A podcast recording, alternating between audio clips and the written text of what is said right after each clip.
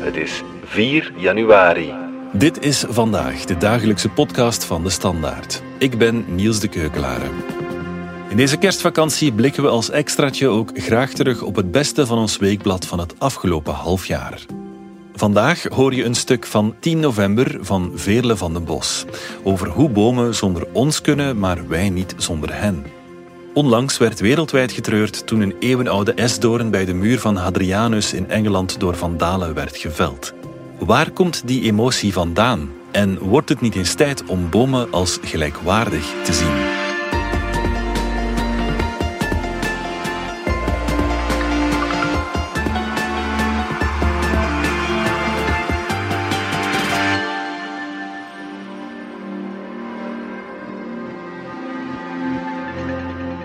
Thuis in de kast ligt een stukje schors. Ik heb het jaren geleden losgepeuterd uit een boom die in de tuin van mijn ouders stond.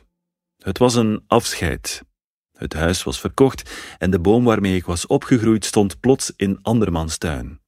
Het was een zomereik, ooit opgeschoten tussen de straatstenen voor het café van mijn opa, een teerplantje dat geen schijn van kans had gemaakt als mijn toen nog jonge vader het niet in vruchtbaarder grond had verplant. Ze werden metgezellen, Overal waar mijn vader naartoe verhuisde, nam hij zijn boom met zich mee. Ieder jaar op 1 mei mat hij de omtrek van de stam en noteerde die in een klein boekje. En hoewel hij allerminst sentimenteel was aangelegd, omhelsde hij daarna zijn eik. Sinds die voor het laatst werd verplant in 1977 heeft hij ruim de tijd gehad om stevig wortel te schieten. Hij heeft geen concurrentie van andere bomen en deint volop uit in de hoogte en breedte. Het boompje is een boom geworden en krijgt er alsmaar jaarringen bij. Alleen is mijn vader er intussen niet meer om dat op te tekenen. Bomen kunnen sterke emoties losmaken. In de vroege ochtend van 28 september bleek dat de Sycamore Gap Tree geveld was. Een drie eeuwen oude esdoorn die op een fotogenieke plek stond vlakbij Hadrian's Wall, te midden van een dramatisch landschap gevormd door een lang geleden gesmolten gletsjer. Heel Engeland was in rouw over die vandalenstreek. The Guardian schreef: Toen het zaadje ontkiemde, moest Bach zijn Goldberg-variaties nog componeren. 300 jaar in weer en wind. Hij was een symbool van trots en verzet, een wegwijzer. Hij had in een film gespeeld, starring naast Kevin Costner in Robin Hood, Prince of Thieves. Hij had prijzen gewonnen, de boom van het jaar in 2016, sterk maar kwetsbaar. Een half uurtje en een kettingzaag. Meer is niet nodig om drie eeuwen ongedaan te maken. Ook in Bree werd getreurd. Daar is een 200 jaar oude olm plots ziek geworden. Net op het moment dat hij tot erfgoedboom was uitgeroepen.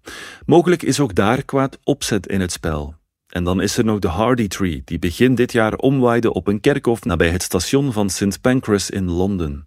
Ook dat was stof voor necrologieën, tot in de New York Times toe. De Hardy Tree was een oude S, omringd door 18e en 19e eeuwse grafzerken, keurig rug aan rug geschikt in een cirkel toen een deel van het kerkhof moest worden geruimd voor de aanleg van de spoorlijn. De schrijver Thomas Hardy, naar wie de boom was vernoemd, werkte destijds voor het bureau dat instond voor die ruiming. Zijn wortels waren in de loop der jaren onder, tussen en over de grafstenen gegroeid, op zoek naar vruchtbare aarde, wat hem tot een schilderachtig symbool maakte van de triomf van het leven over de dood. En net als de Sycamore Gap Tree was hij een toeristenattractie, wat waarschijnlijk bijdraagt tot de tristesse die hun teloorgang met zich meebrengt. Het is niet zo verbazend dat mensen emotioneel reageren op het verlies van een boom, zegt Jeroen Rappé van de Limburgse Bomenwerkgroep. Hij zegt: bomen worden vaak veel ouder dan mensen. Ze overspannen hele generaties. Het is bovendien indrukwekkend hoe uit een klein zaadje zo'n imposante reuzen kunnen groeien, die in weer en wind blijven staan. Hun vermogen om zichzelf te vernieuwen is enorm. Aan een omgewaaide boom kunnen altijd nieuwe scheuten ontspringen. Dat wekt ontzag. Bomen stralen sereniteit en continuïteit uit. Mensen dragen ze in hun hart, net zoals historische monumenten. Toen de Notre-Dame in Parijs in brand stond, was ook iedereen er het hart van in. Sequoias zijn kampioenen in hoogte en leeftijd. In Alfred Hitchcock's film Vertigo uit 1958 bezoeken Scotty, gespeeld door James Stewart, en Madeleine, gespeeld door Kim Novak, een sequoia-bos in Californië. Madeline beeldt zich in dat ze een reïncarnatie is van een van haar voorouders, een vrouw die Carlotta heette. In het bos is de doorsnede van een gevelde sequoia te zien die bijna duizend jaar oud is. Madeline gaat met haar vinger over de jaarringen. Ze zegt tegen de boom: Hier werd ik geboren en daar stierf ik. Het was amper een zucht, je hebt het zelfs niet opgemerkt. In een interview uit 2003 zei Novak dat de scène haar kippenvel bezorgde. Ze zei: Alleen al het aanraken van die oude boom was diep ontroerend, want als je deze bomen aanraakt, kom je in contact met het verstrijken van de tijd van de geschiedenis. Het is alsof je de essentie van de tijd aanraakt, zegt ze. Bomen wekken niet alleen ontzag omdat ze oud worden en groot zijn. Mensen zijn er ook altijd afhankelijk van geweest. Voor voedsel, dierenvoeder, medicijnen, kledij, om huizen te bouwen, gereedschap, muziekinstrumenten en wapens te maken. Bomen verwarmen ons in de winter en verkoelen ons in de zomer. In de uitrusting van Otzi, de ijsmummie die in 1991 in de Italiaanse Alpen werd gevonden, werden zes houtsoorten aangetroffen. Zijn schoenen en tassen waren genaaid met vezels van linde, zijn boog en het handvat van zijn bijl waren uit taxushout gemaakt, het gevest van zijn dolk uit es, het geraamte van zijn rugzak en pijlkoker uit hazelaar, zijn pijlen uit hout van de sneeuwbalboom. En hij droeg twee jassen bij zich van berkenbast, schrijft Charles Watkins in zijn boek Trees, Woods and Forests. Het is een fascinerende inkijk in de grote kennis die mensen 5300 jaar geleden hadden over de eigenschappen van verschillende houtsoorten. Mensen en bomen hebben een oude, intieme band, die niet alleen fysiek, maar ook cultureel en spiritueel is, schrijft Watkins. Met mythen en verhalen over bomen uit alle mogelijke culturen kun je hele boekenplanken vullen. Dat Homeros ze als nobele wezens zag, blijkt uit het feit dat hij de val van de strijders in de Ilias vaak vergelijkt met het vellen van de bomen. In de vertaling van Patrick Lateur klinkt het en Imbrios viel neer gelijk een S, die boven een bergtop uit de verte, van alle kanten zichtbaar door het brons, geveld zijn zachte loof over de grond spreidt. Het gebulder van het slagveld vergelijkt hij met wind en vuur dat door een bos raast, en misschien spreekt uit die beelden ook dat Homeros het vellen van een boom als iets gewelddadigs zag. Er is de boom van kennis van goed en kwaad uit de Bijbel en er is Yggdrasil, de boom van het lot uit de Noorse mythologie. Als die begint te leven, is het einde van de goden- en mensenwereld op handen. Bomen verbinden de aarde met de hemel. Vaak geloofden mensen dat ze een ziel hadden of dat er goden in huisden. De vroege kerk had daarom weinig op met imposante exemplaren, al hebben de gewelven van gotische kathedralen wel wat weg van boomkruinen. Er werden allerlei eigenschappen toegeschreven aan bomen. Zo werd gedacht dat je onder een linde geen leugens kon vertellen. Daarom werd er recht gesproken onder lindebomen. Eeuwenlang werden ook meibomen geplant om de hernieuwing van het leven te vieren. Later vervelde de meiboom tot een vrijheidsboom. Amerikaanse revolutionairen planten in 1766 zo'n boom in Boston uit protest tegen de Britse koloniale overheersing. Het idee kreeg al snel navolging, ook in Europa. De Franse revolutionairen planten bomen om de liberté, égalité, fraternité van de Franse revolutie te vieren. Ook vandaag nog worden bomen geplant als symbool. De jongste jaren leggen steeds meer gemeenten een geboortebos aan. Bossen stonden symbool voor een andere wereld, waar je anders uitkwam dan je erin was gegaan. In middeleeuwse verhalen komen helden op hun kweesten vaak in het bos terecht, een onbekende dreigende wereld, ver weg van de maatschappelijke orde, waar hun moed en wijsheid volop op de proef worden gesteld. Het bos als een plek waar je jezelf kunt vinden door ironisch genoeg eerst te verdwalen. Het is de grondstof van talloze verhalen. Kortom, al sinds we verhalen vertellen, spelen bomen een belangrijke rol in ons collectief bewustzijn. Het is een prachtige herfstdag. Tijdens een wandeling in het Soniewoud met mediakunstenares en schrijfster Anne Mertens druk ik mijn handpalmen tegen de gladde, grijze stam van een beuk. Het is geen omhelzing, maar het doet me wel aan mijn vader denken, in het kader van het kunstenaarscollectief Anaïs Berk organiseert Mertens individuele en collectieve wandelingen die uitnodigen om onze relatie met bomen te ontwikkelen. Ze wil bomen een stem geven, want ze hebben ook rechten.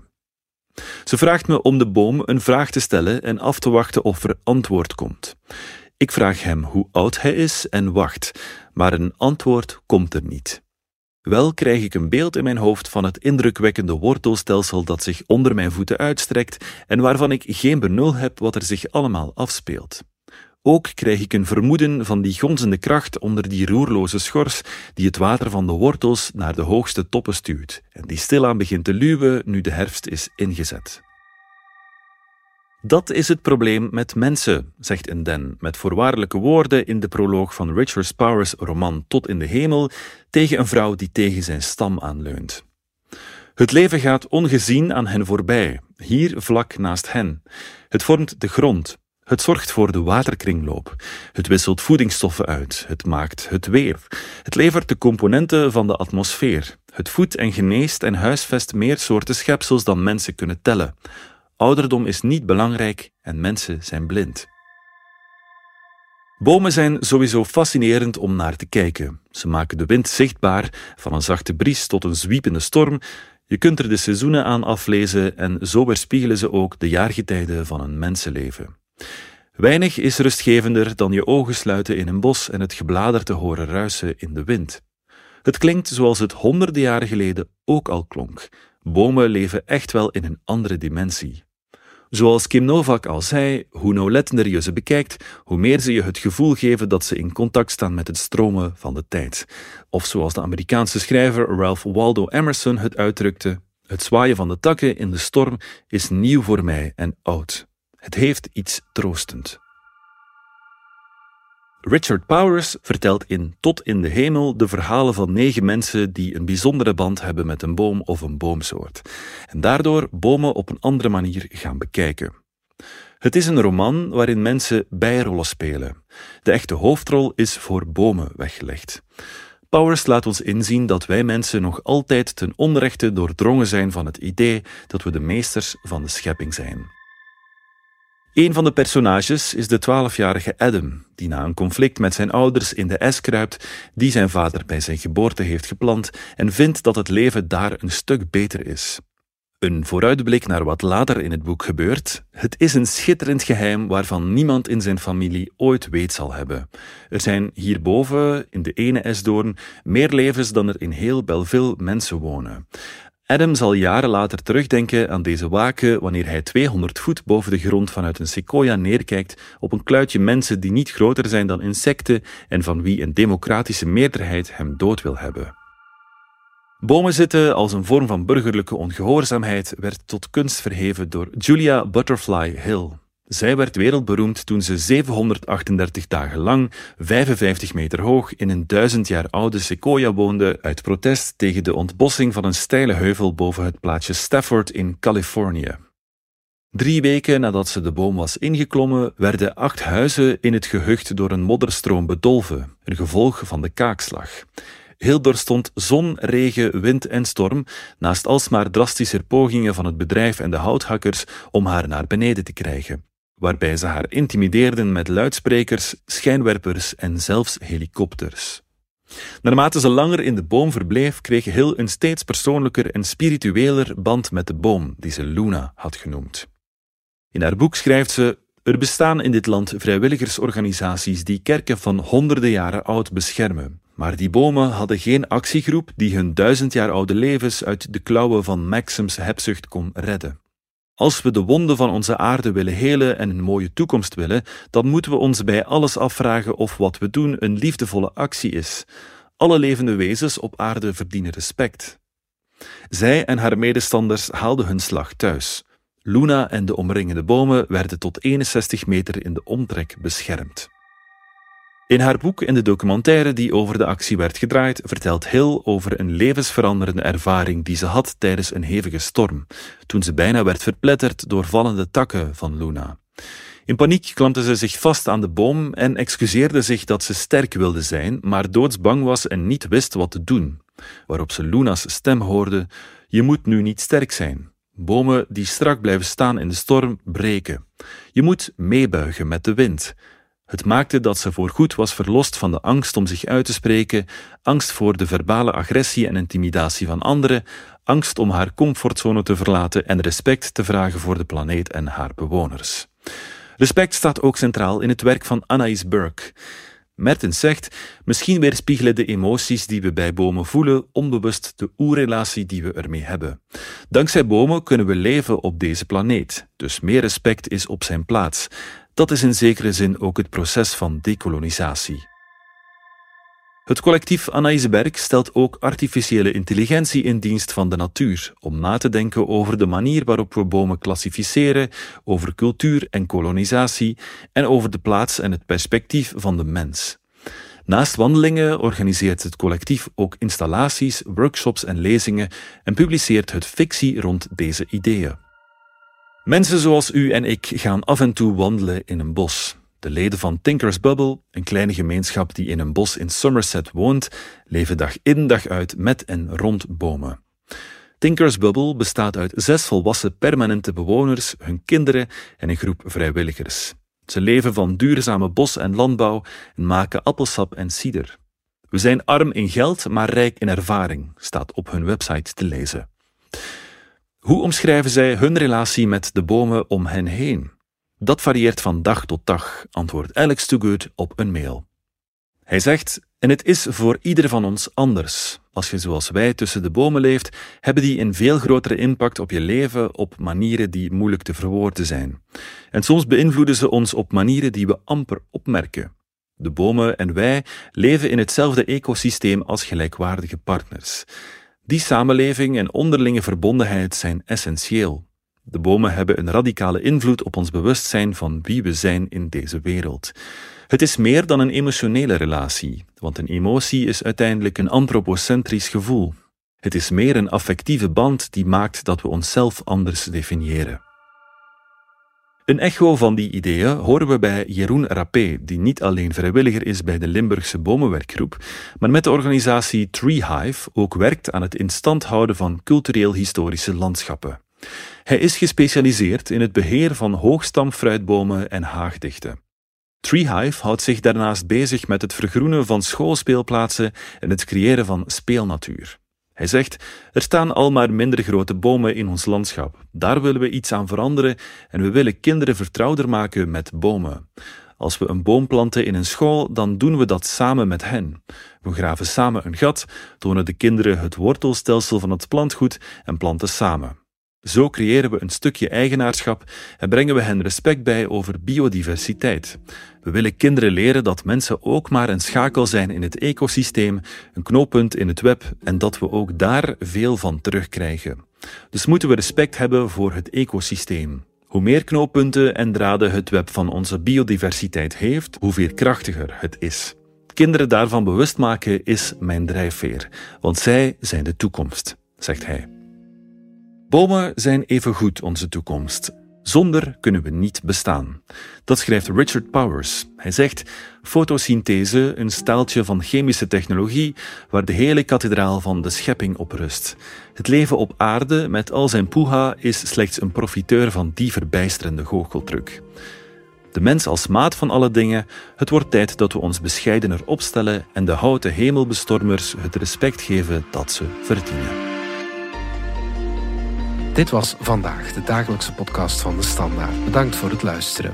Volg ons op Spotify, Apple Podcast of eender welk ander podcastplatform. Alle credits van de podcast die je net hoorde vind je op standaard.be-podcast. Reageren kan via podcast.standaard.be.